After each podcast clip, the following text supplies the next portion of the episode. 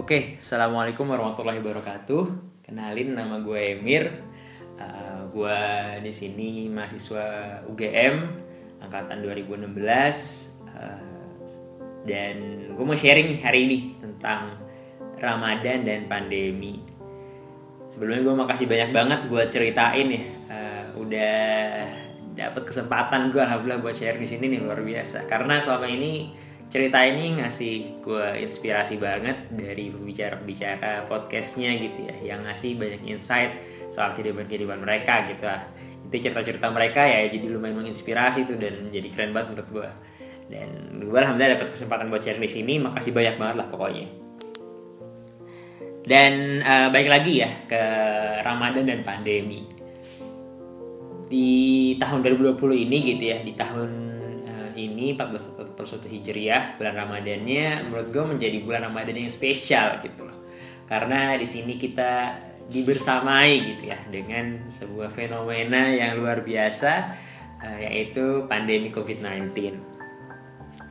Uh, tapi ngomong-ngomong soal Ramadan uh, tahun ini tadi gue bilang spesial. Kenapa? Karena sudah hampir 10 tahun. Sudah hampir 10 tahun kurang lebih gue nggak pernah nih punya pengalaman full puasa itu di rumah.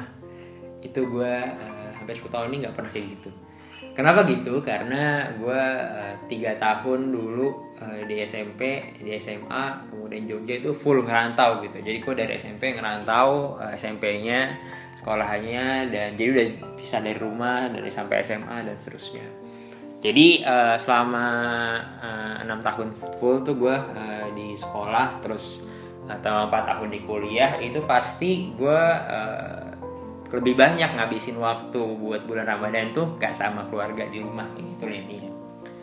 Uh, gue kalau di sekolah dulu aturannya adalah udah jelas tuh dari awal 10 hari sebelum hari lebaran sama 10 hari setelah hari lebaran.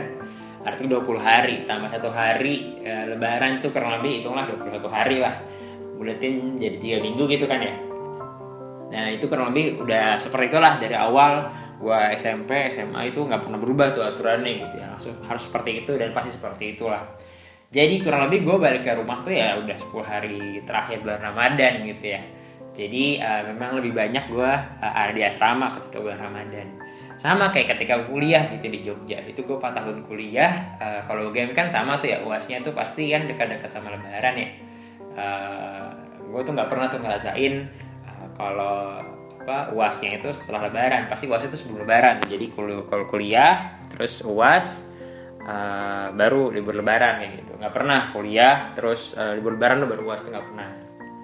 Jadi ya uh, sama tuh. Jadi pasti uh, lebarannya itu tuh dipetokin kan tuh sampai uas jadi uh, dapat lebaran baru akhirnya pulang kayak gitu.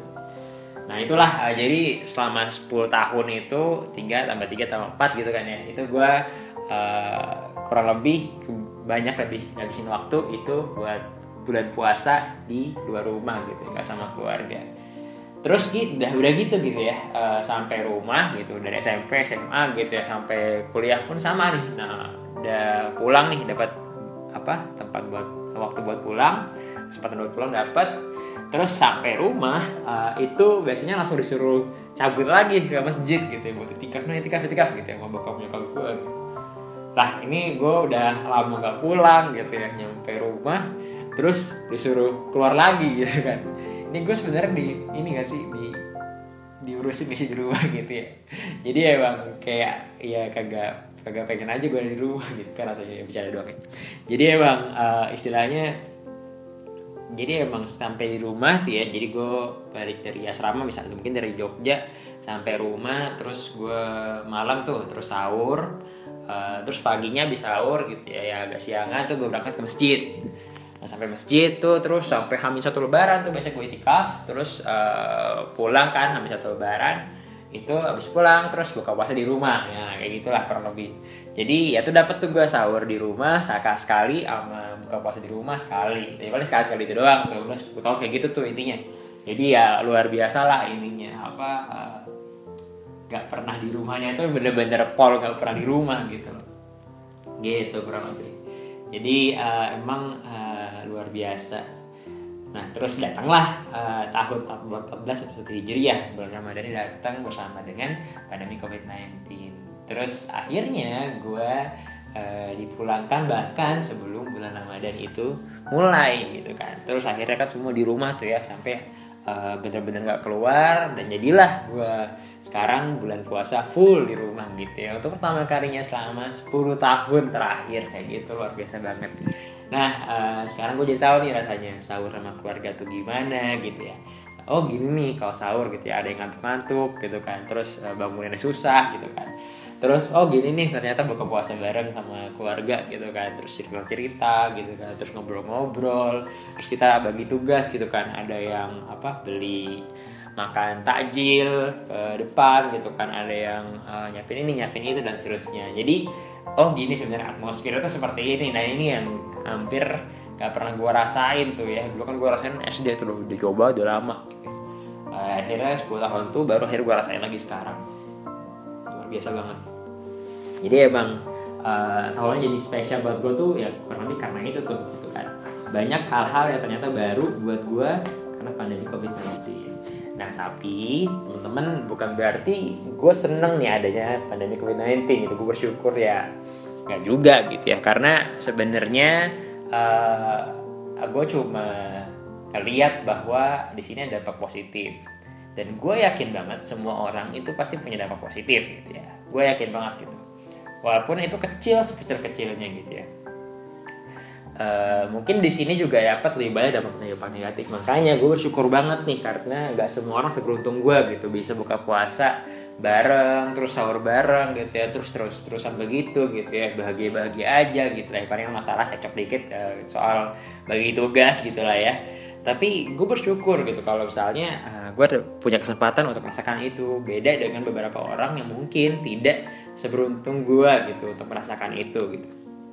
Jadi alhamdulillah banget juga kayak gitu. Dan teman-teman tahu mungkin dampak negatif dampak negatif yang ditimbulkan itu juga uh, panjang banget ya dan banyak banget gue yakin teman-teman pun juga uh, banyak yang ngerasain gitu ya uh, dari fenomena dari pandemi ini gitu dan memang pandemi ini sendiri gitu ya. Kalau kita coba ngomongin soal pandemi ini juga sangat menarik gitu ya. Karena gue yakin lo semua tuh kagak ada tuh yang uh, ngira bahwa tahun 2020 bakal jadi tahun yang akan sangat berbeda gitu. Sebuah biasa yang tidak biasa itu akan muncul gitulah uh, new normal lah istilahnya kayak gitu. Gue yakin dulu tuh 2019 tuh 2000 November Oktober lu pasti eh, nggak uh, tahu tuh bakal ada COVID-19 kecuali lu apa uh, penganut teori konspirasi gitu ya tetapi itu pasti teman-teman juga nggak bakal tahu tuh kalau misalkan ada COVID-19 dan gue pun kaget gitu kan ketika memang sebegini parahnya dan sebegini dahsyatnya dampaknya gitu ya uh, dampak nasional, dampak daerah, dampak nasional, dampak dunia gitu itu luar biasa banget. Jadi ini fenomena yang uh, worth banget buat teman-teman ceritakan ke anak cucu nanti gitu kan. Gimana sih sebenarnya dan pasti ini menjadi catatan sejarah yang luar biasa gitu. Nanti anak cucu pasti nanya, "Pak, apa gitu kan. Uh, kemarin tuh tahun 2020 tuh ada apa sih gitu kan kok bisa banyak uh, orang yang kemudian meninggal gitu kan terus ada krisis ekonomi kemudian ada apa uh, permasalahan yang sangat besar terkait sosial dan seterusnya nah itu menjadi menarik sekali gitu kan kemudian uh, dampak-dampak yang ditimbulkan tadi dari fenomena-fenomena itu juga banyak banget deh. Kalau dibahas satu mungkin uh, abis lah ya uh, waktu gue buat ngomong di sini. Coba gue sedikit banyak mungkin yang ngomong aja lah ya kita ngomong soal social distancing gitu kan. Gimana uh, di sini kita uh, ada pembatasan-pembatasan sosial mungkin beberapa teman ngomongnya ini pembatasan kelas sosial gitu ya. Uh ngeri banget. Tapi kita nggak akan bahas itu gitu ya. Tapi social distancing ini uh, mengingatkan gue pada uh, bagaimana kemesraan kita dalam bersilaturahmi. Ingat mungkin dulu teman-teman yang masih uh, bersikap kayak gini nih. Udah ngechat kalau OTW gitu. Oke okay, gue OTW tapi baru mandi gitu ya. Terus uh, oke okay, gue OTW tapi baru bangun gitu ya atau gue OTW masih siap-siap dan seterusnya. Itu kan sebenarnya uh, kita tidak menghargai yang namanya waktu daripada pertemuan. Nah ketika adanya kondisi social distancing seperti ini gitu ya kita yang akhirnya apa uh, berpisah-pisah, kemudian tidak bisa bertemu secara langsung, maka pertemuan itu akan jadi sangat mahal, sangat mahal gitu ya. Dan teman-teman mungkin akan uh, rela tuh gitu ya uh, buat ketemuan dalam hal yang penting, dalam situasi yang penting gitu ya. Itu uh, harus bersiap-siap lebih awal atau mungkin uh, berkendara lebih cepat dan seterusnya gitu ya untuk memperbanyak waktu pertemuan kayak gitu. Nah ini yang jadi menarik ya uh, bagaimana ternyata waktu pertemuan itu ya menjadi sangat uh, istilahnya sangat mahal kayak gitu. Nah ini yang kalau misalnya kita kaitkan gitu ya dengan bulan Ramadan ternyata uh, ketika kita ingin beribadah dalam uh, ya dalam rangka beribadah ketika bertemu itu kan banyak tuh ibadah ibadah bisa dilakukan ketika bertemu gitu ya. Ucapkan salam misalnya atau mungkin tersenyum dan seterusnya. Gitu gitu jadi nggak bisa kita lakukan gitu kan. Buat teman-teman mungkin yang terbiasa untuk uh, bersosial gitu ya itu pasti sangat terasa dampaknya. Terus uh, kalau teman-teman tahu teman-teman sadari gitu ya bahwa sebenarnya pandemi COVID-19 ini itu uh, terjadi dan memang skenario kan luar biasa gitu ya. Ternyata berbarengan dengan bulan Ramadan. Apa yang maksud bulan berbarengan? Yang berbarengan adalah uh, klimaks kasusnya. Jadi klimaks COVID-19 uh, itu kurang lebih uh, misalkan ya mungkin nggak terlalu nggak terlalu persis ya cuman bisa kita uh, ya kita kita perkirakan itu bahwa sebenarnya Ramadan pun klimaksnya dengan dan COVID-19 klimaksnya itu kurang lebih sama gitu ya. Jadi kalau kita katakan uh, ketika COVID-19 ini itu sedang memang butuh banyak bantuan-bantuannya gitu ya. Orang-orang tuh udah lagi klimaks-klimaksnya butuh bantuan gitu ya. Sementara di sisi lain bulan Ramadan itu lagi klimaks-klimaks nih. Ketika beribadah dan bahkan memberikan bantuan gitu ya ketika memberikan kebaikan maka itu akan jadi uh, ibadah yang dapat pahala yang maksimal gitu karena lagi ada di klimaksnya bulan Ramadan nah ini menarik teman-teman sekalian bahwa pandemi ini itu ternyata klimaksnya baru yang klimaksnya bulan Ramadan jadi kita tidak berbuat baik di bulan di bulan Ramadan dengan perbuatan baik yang maksimal misalnya itu uh, apa itu juga bisa kita lakukan gitu jadi kita kaitkan kaitkan dengan perbuatan baik kita ketika kita eh, ketika ada di puncak-puncak COVID-19 gitu. Nah ini kalau kita hubungkan dengan fenomena masyarakat gitu. Ya sekarang mungkin teman-teman lihat uh, tagara yang tagarnya yang paling sering uh, berseliweran gitu ya itu rakyat bantu rakyat gitu ya. Itu gimana rakyat Indonesia tuh bersolidaritas untuk saling membantu gitu ya bahu membahu gitu kan. Nah sekarang bayangin gitu kalau misalnya uh, tadi yang katakan pandemi COVID-19 itu klimaksnya itu sama dengan uh, Ramadan gitu. Klimaksnya sama-sama di klimaks ketika Ramadan klimaks sampai ini klimaks nah ketika COVID-19 ini butuh banyak sekali bantuan karena lagi di klimaks dan ketika itu juga bulan Ramadan sedang besar-besarnya memberikan maksud memberikan pahala gitu, untuk perbuatan-perbuatan dan amal-amal kebaikan. Maka uh, di sini aku sarankan teman-teman sekalian uh, silahkan perbanyak misalkan sedekah atau mungkin uh, bantuan-bantuan lainnya gitu ya berdonasi dan seterusnya untuk uh, COVID-19 ketika lagi di bulan Ramadan ini karena gitu karena lagi bulan Ramadan ini kan lagi akhir-akhir nih berarti kan lagi maksud ini ya. Uh, barangkali ketika lagi uh, menyumbangkan donasi paling besar dari hartanya dia buat COVID-19 barangkali malam itu juga itu adalah malam Lailatul Qadar gitu kan kita nggak tahu gitu kan luar biasa ya seperti itu gitu. Insya Allah gitu ya semoga uh, ada yang beruntung mendapatkan seperti itu atau mungkin kita semua gitu ya beruntung mendapatkan seperti itu.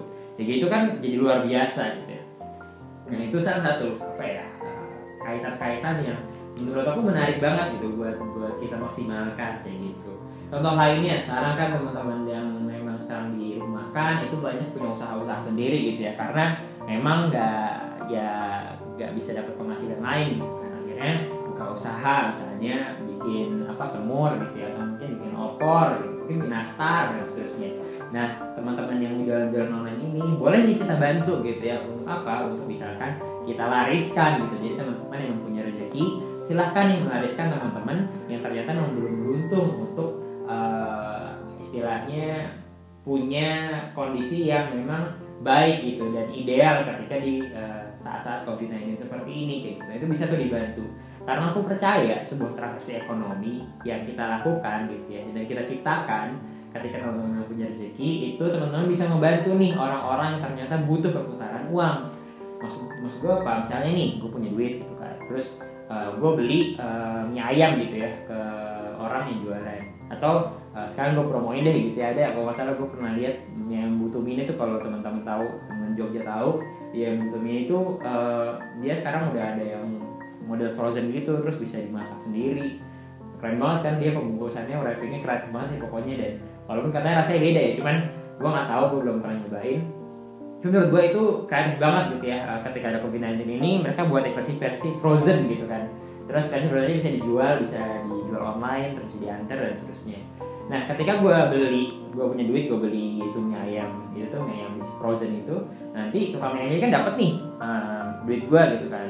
Nah duit gue ini selain buat keuntungannya dia nanti kan akan dibuat dibuat modal lagi nih gitu kan nah ini modal misalkan buat beli sawi gitu atau buat beli bakso gitu kan atau buat beli daging dan seterusnya Nah nanti kan uh, penjual-penjual sawi, daging, terus bakso itu kan kemudian akan mendapatkan duit-duit itu gitu kan. Terus akan terus sampai akhir ke petani, sampai akhir ke ternak dan seterusnya. Jadi uang yang gue pegang tadi gitu ya, itu bisa mutar tuh, mutar tuh ke orang-orang yang lebih membutuhkan ternyata. Gitu. Jadi itu yang gue uh, maksud adalah kita bisa menciptakan sebuah uh, transaksi ekonomi supaya apa? Supaya uang kita bisa berputar dan kemudian menyejahterakan orang-orang yang ternyata yang butuh bantuan di sana. Jadi nggak melulu kita harus menyumbang, nggak melulu kita harus berdonasi, tapi kita juga bisa nih melakukan transaksi ekonomi untuk apa? Untuk bisa teman-teman yang uh, lagi membutuhkan di bawah di sana itu kita bisa bantu kayak gitu. Nah itu uh, ketika kita niatkan di bulan Ramadan, apalagi di klimaks klimaks seperti ini dengan niat seperti itu, insya Allah kita bisa dapat tuh uh, apa pahala-pahala uh, membantu, pahala-pahala berdonasi, pahala-pahala berinfak dan seterusnya kayak gitu. Nah itu ya uh, salah satu yang uh, menarik juga untuk dibahas dan banyak sekali hal-hal yang menarik juga untuk dibahas. Uh, tapi menurut gue yang paling asing buat dibahas adalah ketika kita masuk ke arah konteks ibadah gitu. Nah kalau teman-teman tahu konteks ibadah ini uh, ketika pandemi COVID-19 itu luar biasa banget yang berbeda bulan Ramadan dengan identik dengan ibadah itu pasti bakal sangat uh, istilahnya apa ya berbeda gitu ya di di tahun ini. Uh, dengan adanya pandemi COVID-19 kita lihat teman-teman sholat terawih gitu ya di rumah gue di sini kalau azan sholat sholat isya itu udah ada tuh lapasnya. Sholatu fi buyutikum gitu ya. Sholatlah dari sholatlah di rumah-rumah kalian gitu kan sholat fi buyutikum gitu. Udah udah ada tuh uh, abis azan jadi kagak ada jamaahnya gitu masjid. Atau mungkin beberapa masjid lain uh, ada jamaahnya cuman uh, apa uh, safa itu berjarak ya gitu kan. Nah ini kan uh, seumur hidup gue yakin teman-teman sampai sekarang nggak pernah lihat ya uh, yang seperti ini gitu kan. Uh, kalau emang masjidnya masjid normal ya maksudnya masjid biasa gitu. Nah itu pasti nggak ada yang seperti ini gitu yang berjarak-jaraknya sampai uh, dua orang jaraknya dan seterusnya kayak gitu. Nah ini jadi luar biasa. Dan uh, memang hal-hal uh, ini sebenarnya dilakukan tadi untuk itu bagus sebenarnya menurut gue juga gitu loh. Nah tapi kalau misalkan teman-teman tahu ada berita uh, kalau nggak salah mungkin seminggu dua minggu terakhir itu bilang kalau ada uh, di suatu daerah gitu ya orang-orang uh, yang uh, rame-rame itu uh, rombongan gitu lah pokoknya itu masuk masjid dengan memaksa gitu. Karena masjidnya udah ditutup sama segala macam tapi tetap maksa membayar pagar dan seterusnya gitu ya. Mungkin uh, di sini teman-teman udah baca beritanya. Dan kalau teman-teman lihat mungkin sebagian besar mereka bahwa wah itu parah tuh ternyata apa uh, kok bisa sih kayak gitu orang lagi psbb gitu atau mungkin lagi apa social distancing dan seterusnya kan nggak bisa gitu kan uh, jadi nanti penularan lebih parah dan grafiknya malah nggak datar kayak gitu. Cuman uh, itu benar banget gitu ya gue juga sebenarnya menyayangkan gitu ya apalagi tenaga tenaga medis yang kemudian uh, tetap harus berjuang dalam kondisi seperti itu supaya sangat menyakitkan gitu ya uh, dengan perjuangan uh, tenaga medis tenaga medis tapi di sisi lain kalau misalkan kita lihat dalam konteks ibadah, gue lihat di sini adalah sebuah semangat beribadah. Kalau teman-teman lihat, uh, pernah nggak sih teman-teman ngerasa iri gitu melihat mereka yang benar-benar semangat beribadah sampai harus menjadi pagar karena mereka rindu banget untuk uh, menyicipi gitu ya uh, adanya sholat jamaah, sholat tarawih gitu ya di masjid itu udah rindu banget saking rindunya nih gue harus sholat sholat sholat tarawih nih gitu ya. Apa pun atau mungkin soal jemaah di masjid nih apa pun resikonya itu. Mau gue nanti dapet ketularan virus atau apa tapi gue rindu sama sholat sholat di masjid gitu kan. Akhirnya tuh banyak orang-orang yang kemudian sampai rumah pagar gitu kan. Supaya apa? Supaya bisa uh, masuk dalam masjid dan ikut sholat jamaah. Nah kalau gue lihat di sini ya tadi dampak negatifnya seperti itu tapi kalau gue coba uh, mungkin sedikit lihat dampak positifnya tanpa uh, mengurangi uh, konsentrasi gue juga ke dampak negatifnya gitu wah ternyata ya ada nih uh, ternyata kita bisa mengambil hikmah di sana di sana. Benar nggak sih kita sudah semangat dalam sholat berjamaah di masjid? Benar nggak sih kita sudah uh, menggebu-gebu untuk sholat berjamaah di masjid? Tapi ketika apa uh, ketika COVID-19 ini terjadi kita tuh nggak ada perasaan apa-apa ketika uh, sholat tarawih itu harus di rumah sholat jamaah tuh semua di rumah gitu kan. Biasanya gue sholat biasanya sholat jamaah gitu kan. Apalagi bulan ramadan gitu kan. Udah nggak mungkin gue nggak boleh banget gue sholat di rumah gitu kan. Itu sholat di masjid. Gitu. tapi gara-gara kayak gini itu harus jadi harus mah bukan bukan boleh sholat di rumah malah harus sholat di rumah gitu kan. Harus jamaah di rumah gitu kan. Nah itu kan perasaan perasaannya kan pasti ada rasa rasa yang berbeda gitu. Nah, nah ini yang kemudian introspeksi diri. Begitupun juga gue gitu ya. Uh, udah ada belum sih uh, rasa iri gue dengan semangat semangat seperti itu yang luar biasa. Mereka pengen mencicipi gitu ya uh, dan rindu sekali dengan sholat jamaah di masjid sampai harus rame-rame gitu ya untuk uh, datang berbondong-bondong sampai apa pagar dan seterusnya. Kayak gitu itu jadi uh, pandangan luar biasa menurut gue nah, di sisi, terus di sisi lain uh, kalau teman-teman biasanya melakukan bukber atau SOTR gitu kan bulan Ramadan itu identik dengan itu ya bukber SOTR gitu ya Paling kalau tadi ngomongin soal pertemuan, bukber ini menjadi salah satu yang uh, apa ya, yang mungkin jadi uh, topik utama gitu ya. Karena beberapa orang bukber ini biasanya kan meme gitu ya uh, ketika ngajak bukber ha, ha, hari satu Ramadan sampai hari 29 Ramadan kagak tanggepin gitu ya ajakan bukbernya kayak gitu. Jangan malah dikacangin ikut dan seterusnya. Karena uh, itulah namanya aku bahas sebagai uh, nikmatnya pertemuan yang mungkin akan jadi sangat mahal sekarang kita gak bisa bukber nih. Misalnya kita bukber nih bukber SMP bukber SMA bukber uh, kuliah berorganisasi bukber SD gitu ya. Bukber teman kampung teman uh, apa komplek gitu kan teman RT terus teman organisasi juga banyak mereka organisasi banyak gitu ya. Aktif banget di kampus terus bukber mulu tuh kerjaannya tiap sore gitu ya. Itu biasanya gue uh, bukber di restoran ini terus uh, besoknya bukber juga di restoran yang sama gitu kan saking emang restorannya penuh semua gitu ya Nah itu yang apa jadi uh, gak bisa kita rasakan saat ini karena bukber itu kan makin rame makin seru gitu ya. Sekarang justru makin rame makin bahaya gitu kan. Sama kayak SOTR. SOTR juga gitu kan. Kita lakukan bagi-bagi sahur makin rame makin seru gitu. Tapi sekarang makin rame makin bahaya makanya akhirnya nggak boleh tuh ada nama SOTR, nggak boleh ada nama bukber itu di uh, dilarang gitu ya supaya tidak meningkatkan penyebaran COVID-19. Ya jadi terlebih banyak batu yang bisa kita lihat di bulan Ramadan dan biasanya kan uh, tadi ya kalau kita lihat identik dengan SOTR, Uber kalau bulan Ramadan nah dengan ada COVID-19 nah ini terakhir nih dengan ada COVID-19 gue ngerasa kalau akhirnya uh, kita bisa disadarkan bahwa bulan Ramadan adalah bulannya Al-Quran karena ya kita bisa terus-terusan nih lihat Al-Quran kita di di atas meja kita sambil kuliah sambil kerja. Gue juga gitu tuh uh, sambil kerja sambil kuliah gitu ya. Karena gue di samping laptop terus tuh kadang-kadang gue getar nih pengen baca nih gitu ya. Dan selalu ada ada hal-hal apa pattern seperti itu tuh yang mungkin akhirnya membuat risih gitu. Udah gue baca deh gitu.